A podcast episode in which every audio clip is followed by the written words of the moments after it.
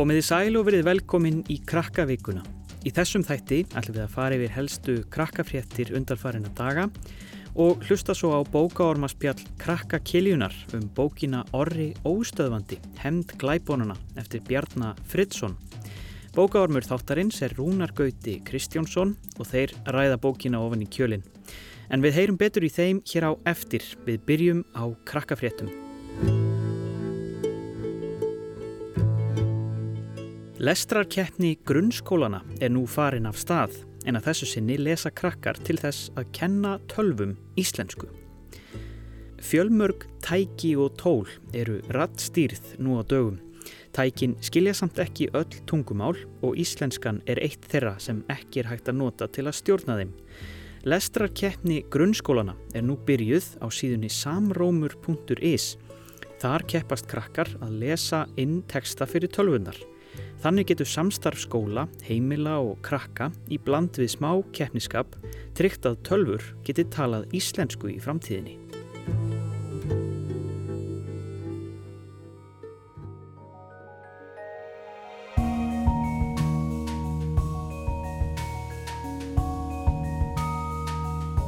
Síðasta miðugudag var haldið upp á dag jarðar viða um heim en í ár eru 50 ár frá því að hann var fyrst haldinn hátíðilegur. Dagur Jarðar var fyrst haldinn í Bandaríkjónum 22. apríl árið 1970.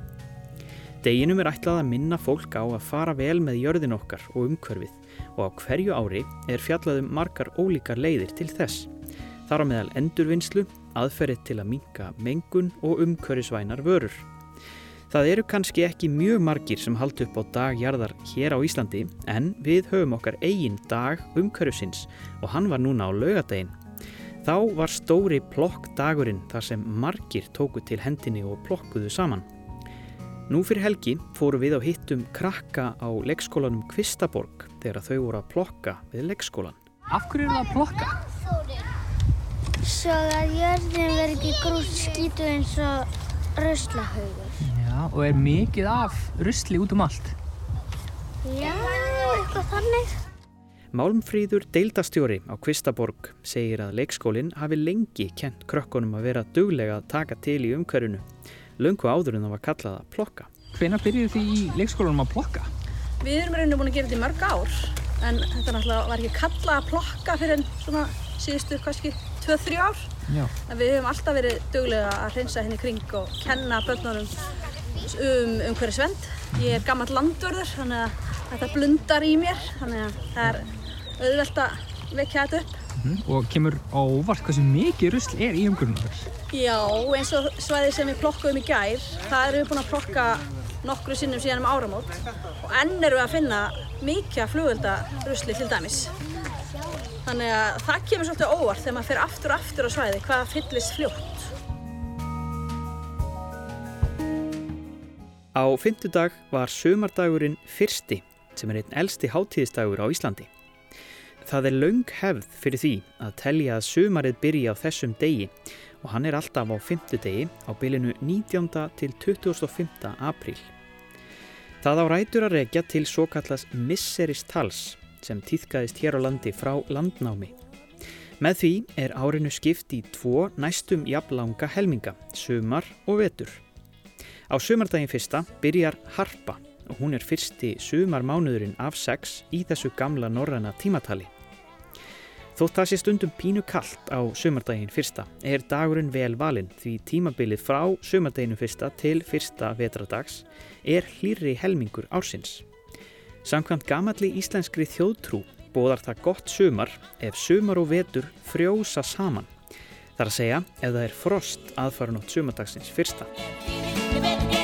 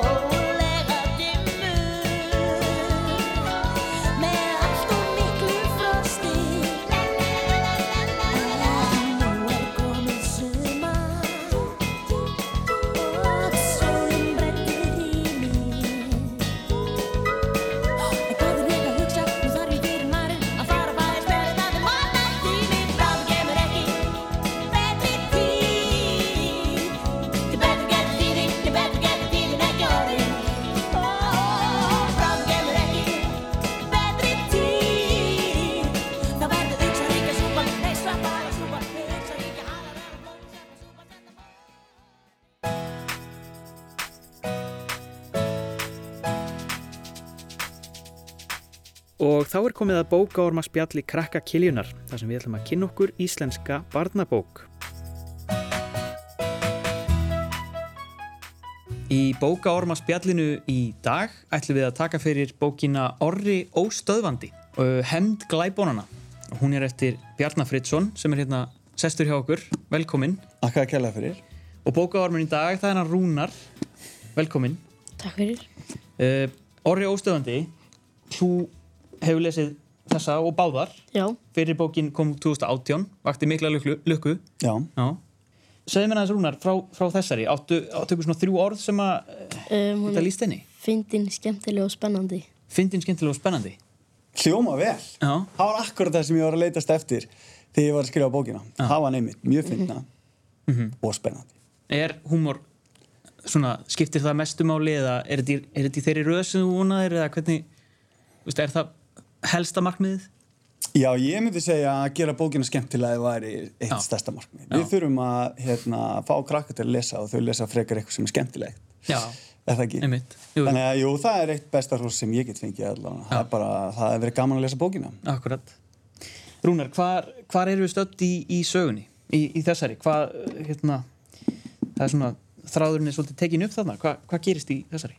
Bara þannig að eins og glæfnarnir sem að þau koma upp um í númer fyrri þeir komast þú veist út úr fangelsi Já. og fangelsinu og og þ- ætla að hefna sín á þeim Einmitt, orra og, mög, orra og mögu einmitt. Og við fáum svona að lesa inn á milli svona bref sem þeir eru að skrifa, þar sem þeir eru í steininum. Já, akkurat. Og- Það er svona dag, dagbókina þeirra, sko. Já, Já. fáum svona smá inn í svona þeirra ráðabrugg. Já. Það kemur svona inn á milli og, og það er svona kannski spennan sem að einhvern veginn heldur út, út söguna. Já, akkurat. Það er svona að gefa lestanum insýn inn í hvað, hvað koma skal, sko. Já. Og svona hvað þeir eru að takast á við. Og svona einmitt til að byggja upp spennu sem að kemur svo í loka kaplanum. Já, akkurat. Og hva, hvers konar glæpamenn eru þetta? Það er svona, Já. er það, er það alveg á hreinu hva, hvað þeir hafi í hyggju, sko, hve- hvernig er alltaf að hefna sín? Já, í grunninn er þetta bara svona rosa einfaldi glæpunar.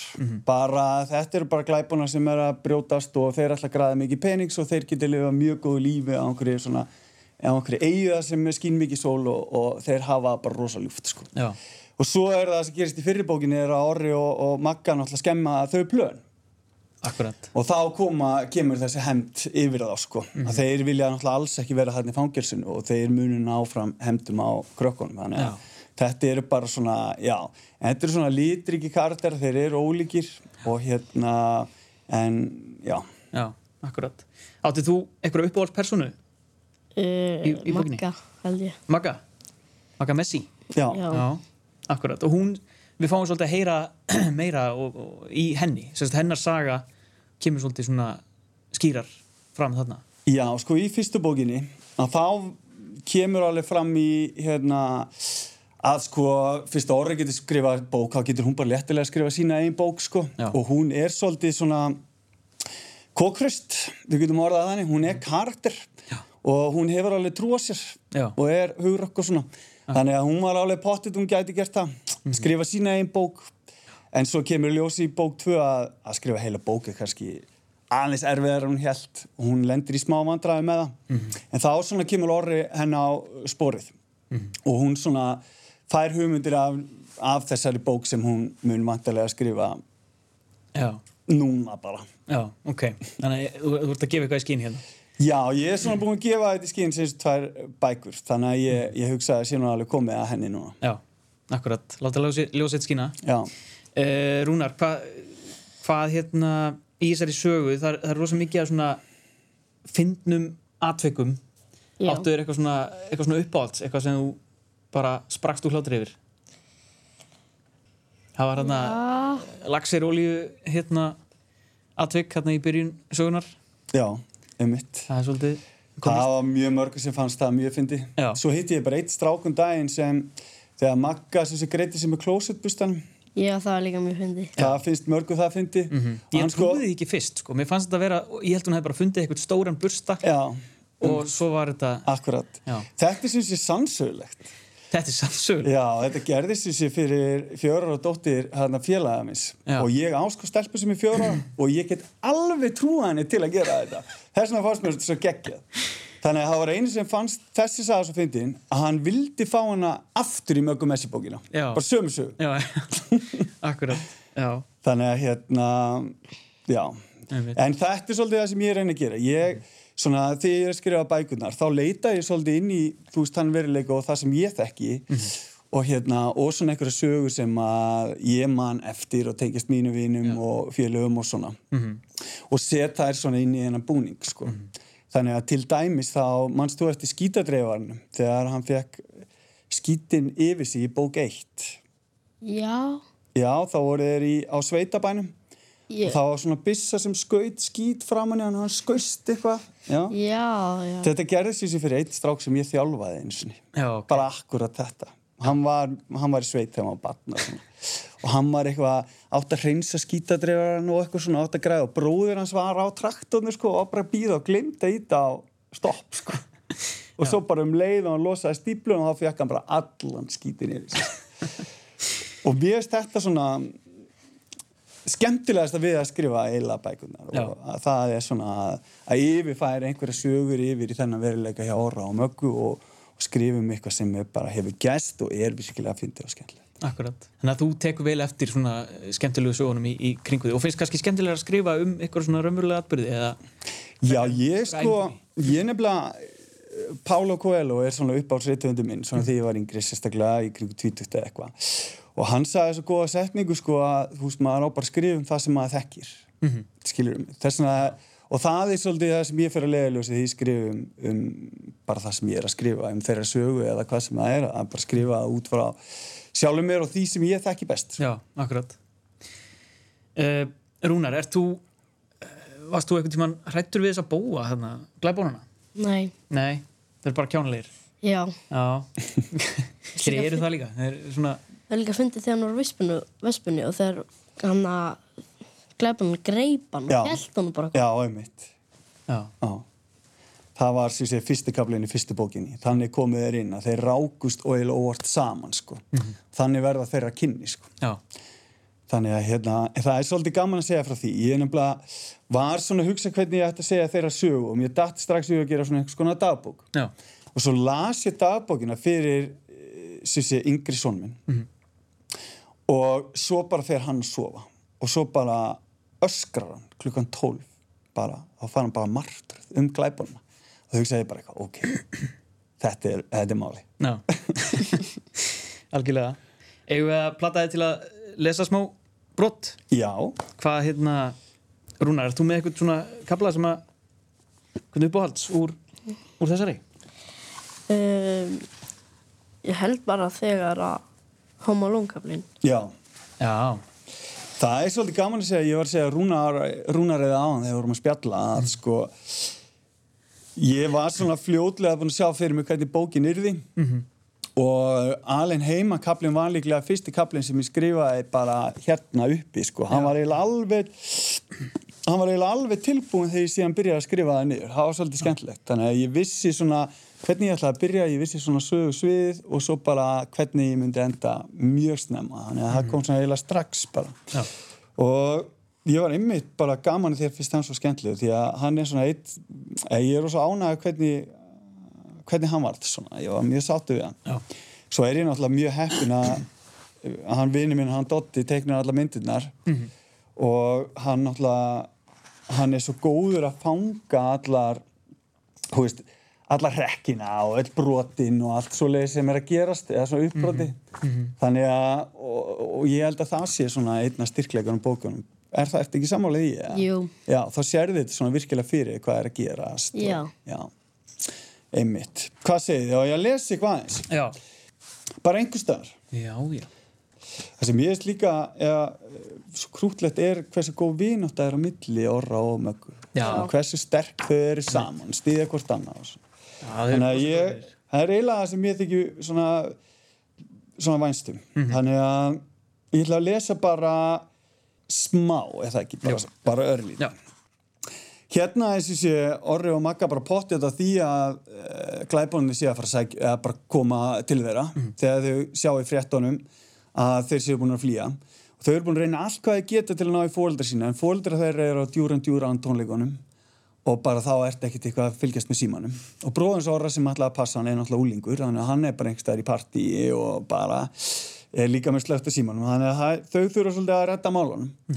Og þau setja sem sé upp bara magna plan til að hvernig þau ætla að stöða glæbóna þegar brotist inn í, inn í húsi og þeir nýta sér svona hvernig að Kevin gerði þetta í Home Alone bíómyndunum sko. Akkurat. hann er að hérna og ég ætla svona að grípa inn í þar ef þið eru sáttið við það. Þetta er magna plan. Þeir eiga ekki eftir eiga sjans í okkur sagði ég. Magga reið sömulegis á fætur gaf mér háafimmu og sagði svo aðeins og svöl rústum þeim. Um hálftíma síðar eftir að við höfum strengt veiðigirni með nokkrum litlum jólaböllum hringin í krigum húsið var allt klappa á klárt og fallega húsi mitt orðið að stríðsvelli. Við Magga röltum upp í herbyggi, slögtum ljós, fengum okkur síðan sæti við gluggan og byðum eftir glæpunum.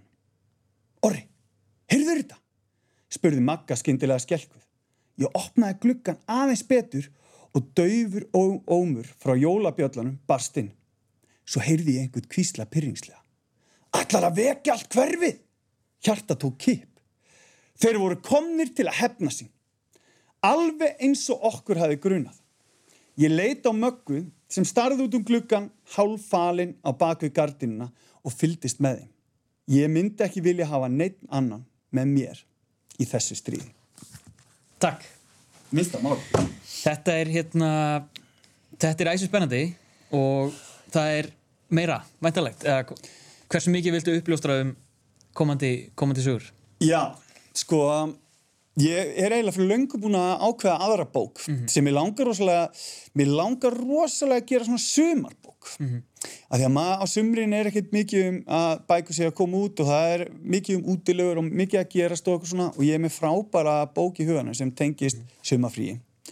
Og, en ég næði henni ekki núna fyrir þetta sumar en vonandi fyrir það næsta. Já, algjörlega. Og svo hérna, held ég sér nú alveg allt í lagi að segja frá því að Magga fær sína einn bók núna loksins. Að, og ég er rosa spenntur að skrifa hana því að þá er ég að skrifa út frá sjónaröðni hennar og það verður svona, getur, já, verður svona smá trikki fyrir mig. Akkurat. En hérna, en ég menna, það er bara skemmtilegt spennandi. Já, og Rúnar, við fylgjumst bara spendi með því.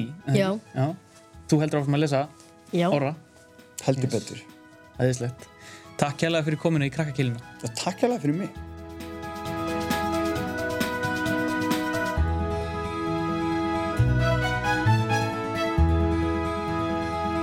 Það voru þeir Rúnar Gauti, bókaormur og Bjarni Fridsson, rithöfundur, sem rættu þarna um bókina Orri Óstöðvandi, hemd glæbónana í bókaorma spjalli krakkakiljunnar. En þessu er lokið hjá okkur í kvöld, krakkavikan verður hér á rás 1 eftir viku, en það er auðvitað hægt að hlusta á krakkarúf.is og í appinu. Þangar til næst, bless bless!